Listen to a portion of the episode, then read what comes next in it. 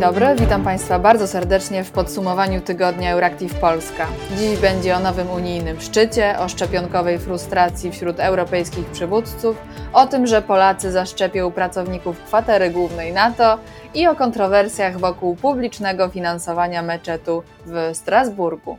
Ja nazywam się Karolina Zbytniewska, jestem redaktor naczelną Euractiv.pl, a ze mną w wirtualnym studio dziennikarze Mateusz Kucharczyk i Aleksandra Krzysztoszek. Dzień dobry. Dzień dobry. Dobry. Wydawczyniami są Joanna Jakubowska i Julia Czaplicka. No to zaczynamy. W czwartek odbyła się pierwsza konferencja prasowa prezydenta Joe'ego Bidena. Mówił o przyspieszeniu szczepień i rywalizacji z Chinami. First, on vaccinations. On December 8th, I indicated that I hope to get 100 million shots in people's arms in my first 100 days. We met that goal last week by day 58. 42 days ahead of schedule. Now, today I'm setting a second goal, and that is we will, by my 100th day in office, have administered 200 million shots in people's arms. That's right, 200 million shots in 100 days.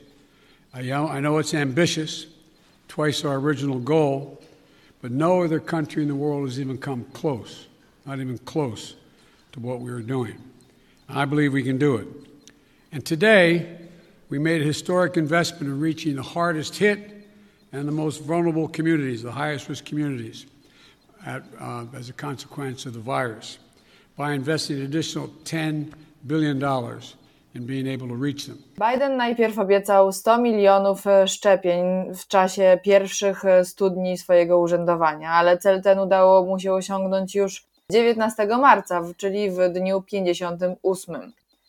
Zwiększył ten cel zatem do 200 milionów. Dziennie w USA wykonuje się obecnie nawet 2,5 miliona szczepień. W części konferencji prasowej poświęconej sprawom międzynarodowym najwięcej było mowy o relacjach z Chinami. Demokracje muszą ze sobą współpracować. Niedługo zamierzam zorganizować sojusz regionalnych demokracji, by przedyskutować przyszłość. Pociągamy wspólnie Chiny do odpowiedzialności w kwestii przestrzegania zasad, zapowiedział Biden. Zostańmy więc jeszcze przy Chinach. W środę Facebook poinformował o zablokowaniu działalności chińskiej grupy hakerskiej znanej jako Earth Empuza lub Evil Eye, która za pomocą platformy społecznościowej próbowała śledzić Ujgurów, czyli prześladowaną w Chinach mniejszość muzułmańską. Tu przypomnę, że pod koniec lutego parlamenty Holandii i Kanady uznały traktowanie społeczności ujgurskiej za ludobójstwo. W styczniu podobne oskarżenia wystosowała administracja USA. Chiny za łamanie praw człowieka są objęte sankcjami przez Kanadę, Unię Europejską, USA i Wielką Brytanię. I jeszcze zostańmy przy Facebooku. Organizacja międzynarodowa Reporterzy Bez Granic oskarża Facebook o nieuczciwe praktyki handlowe. RSF 22 marca złożyła we Francji pozew właśnie o nieuczciwe praktyki, zauważając, że portal stał się miejscem rozpowszechniania dezinformacji na temat pandemii COVID-19. A teraz przeniosę się z Państwem do Europy. Tu w czwartek odbył się jednodniowy szczyt Rady Europejskiej, czyli głów państw i rządów unijnej 27. Po raz pierwszy od ponad dekady wziął w nim udział prezydent Stanów Zjednoczonych, wspomniany już Joe Biden. Jego obecność ma symboliczne znaczenie. Oznacza, że znów rozmawiamy bliżej, powiedziała kanclerz Niemiec Angela Merkel. Powiedziała też, że istnieją wspólne wartości z USA, jak również odmienne interesy. Ale oczywiście musimy spojrzeć na to, jak połączyć owe wartości i interesy, jeśli chodzi na przykład o Chiny, mówiła dalej Merkel. Spowolniony początek wprowadzenia szczepionek w Unii Europejskiej położył się jednak cieniem na całym spotkaniu online przywódców Unii Europejskiej. Unia chce mieć bowiem pewność, że firmy farmaceutyczne, w szczególności AstraZeneca, wywiążą się ze swoich unijnych kontraktów przed rozpoczęciem eksportu. Wynikające z tego plany Komisji Europejskiej dotyczące zaostrzenia przepisów eksportowych spotkały się z umiarkowanym poparciem. Przywódcy nie zgodzili się na propozycję kanclerza Austrii Sebastiana Kurza, by podczas szczytu dokonać redystrybucji szczepionek, które jak argumentował Kurz, zostały nierówno rozdzielone między państwa członkowskie. Przewodnicząca Komisji Europejskiej Ursula von der Leyen ostrzegła, że sytuacja epidemiologiczna na kontynencie jest bardzo niepokojąca, ponieważ trzecia fala zakażeń dotknęła Europę z powodu jednego z wariantów wirusa COVID-19. Przede wszystkim chodzi o wariant brytyjski. Von der Leyen powiedziała jednak, że jednocześnie 88 milionów szczepionek na COVID-19 zostało już dostarczonych do Unii Europejskiej, a 62 miliony osób dostało co najmniej jedną dawkę. The US has recommitted itself to the transatlantic partnership. We agreed that we have a strong interest in working together to keep global supply chains functioning and to prepare already for the next um, challenges to come in this pandemic in an area of pandemics. The United States is an important and valued partner to the European Union. W Europie aż ponad 18 milionów osób jest już w pełni zaszczepionych, co oznacza, że ponad 4% Europejczyków otrzymało już dwie dawki szczepionki. W drugim kwartale spodziewana jest zwiększona liczba szczepień od Pfizer BioNTech i Moderny, zaś Johnson Johnson zacznie wprowadzać swoją szczepionkę, która wymaga tylko jednej dawki. Jednak wciąż są problemy z AstraZeneką, która obiecała dostarczyć tylko 70 milionów dawek w drugim kwartale zamiast zakontraktowanych 180 milionów. Szwedzko-brytyjska firma ma już zaległości w kwartale pierwszym, a komisja powiedziała, że będzie musiała honorować swój europejski kontrakt, zanim będzie mogła eksportować do krajów trzecich, takich jak Wielka Brytania. Ale zostańmy jeszcze w Europie, w Strasburgu. Mateuszu, opowiesz nam o sytuacji wokół budowy meczetu?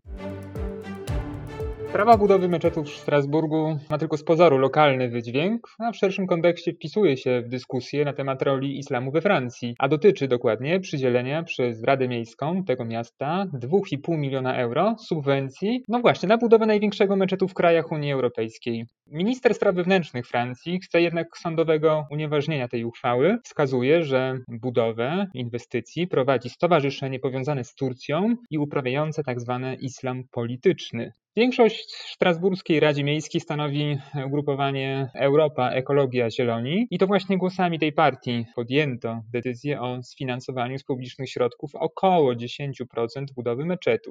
Wiadomość o tej decyzji sprowokowała dość ostre wypowiedzi ministra spraw wewnętrznych Geralda Darmanina. Zarzucił on lokalnym politykom, no właśnie, wspieranie organizacji islamistycznej na przykład. Minister polecił miejscowemu prefektowi, który no, jest odpowiednikiem naszego wojewody, zaskarżenie uchwały Rady Miejskiej przed sądem administracyjnym w celu jej całkowitego unieważnienia.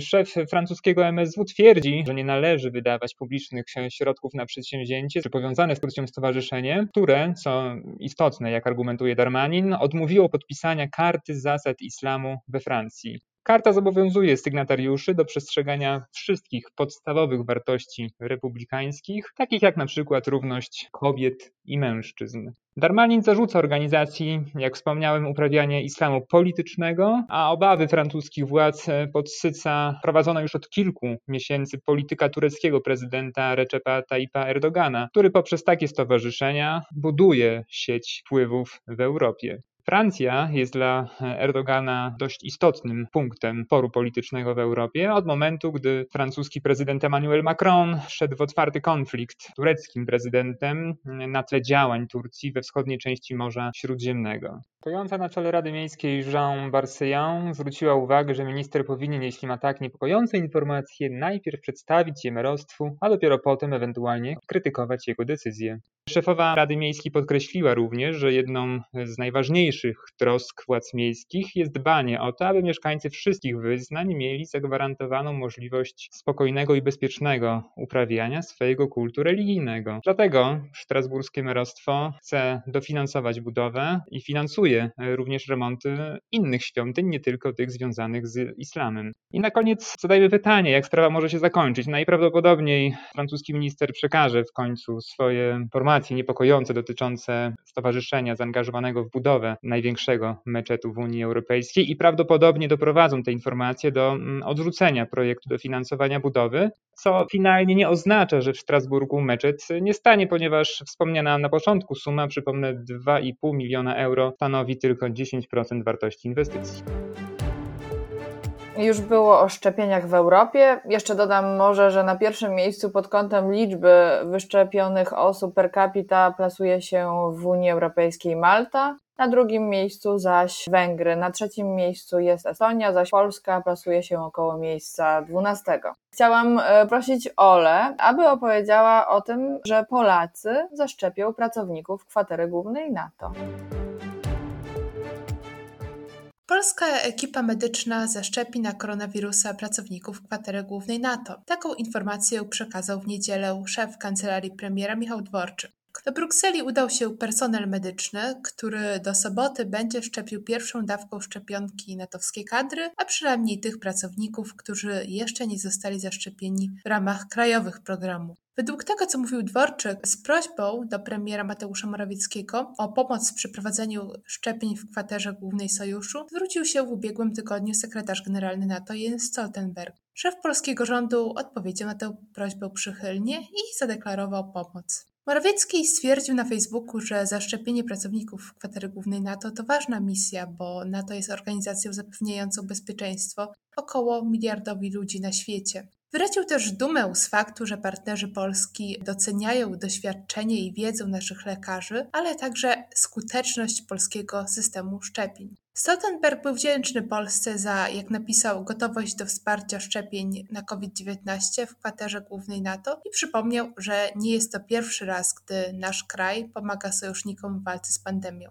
Skąd zostaną wzięte szczepionki? Michał Dworczyk poinformował, że Polska przekaże na szczepienie pracowników NATO dawki preparatu AstraZeneca. Wyjaśnił, że obawy, jakie w ostatnich tygodniach pojawiły się w związku z tą szczepionką, doprowadziły do tego, że wiele osób zaczęło rezygnować ze szczepień i sporo szczepionek tego typu pozostało. Właśnie z tych szczepionek wydzielono dla NATO 3,5 tysiąca dawek. NATO nie chce jednak robić ze szczepień zbyt dużego wydarzenia medialnego. Nieoficjalnie natowscy urzędnicy wskazują, że szczepienia są sprawą delikatną. Z jednej strony chodzi tutaj o reakcję w Polsce, a z drugiej o współpracę z Belgią, krajem, który gości u siebie kwaterę główną sojuszu. E, na przykład urzędnicy unijnych instytucji czekają na swoją kolej zgodnie z harmonogramem szczepień w Belgii. Także pracownicy NATO mieli być szczepieni w ramach krajowego programu szczepień w Belgii. Z drugiej jednak strony portal Politico podkreśla, że w zasadzie to Belgia mogłaby być wdzięczna Polsce, że ta zdjęła z niej obowiązek zaszczepienia pracowników kwatery głównej NATO. Nieco większe kontrowersje sprawa szczepień w NATO wywołała w Polsce. Jak łatwo się domyśleć, wiele osób pyta, czy jesteśmy aż tak bogaci w szczepionki, że możemy przekazywać je za granicę, albo czy to rozsądne, że zamiast zaszczepić więcej własnych obywateli, szczepimy natowski personel.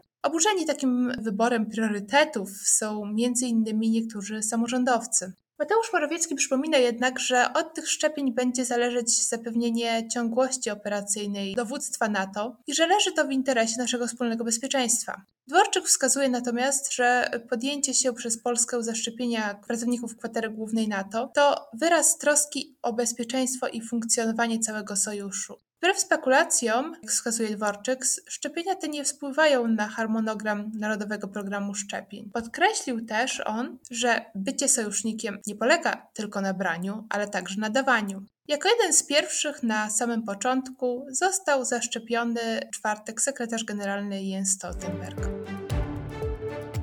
Dziękuję Olu. To już wszystko na dzisiaj. E, życzymy wszystkim Państwu nie tylko dobrego weekendu, ale też e, przede wszystkim e, zdrowia. I do usłyszenia za tydzień.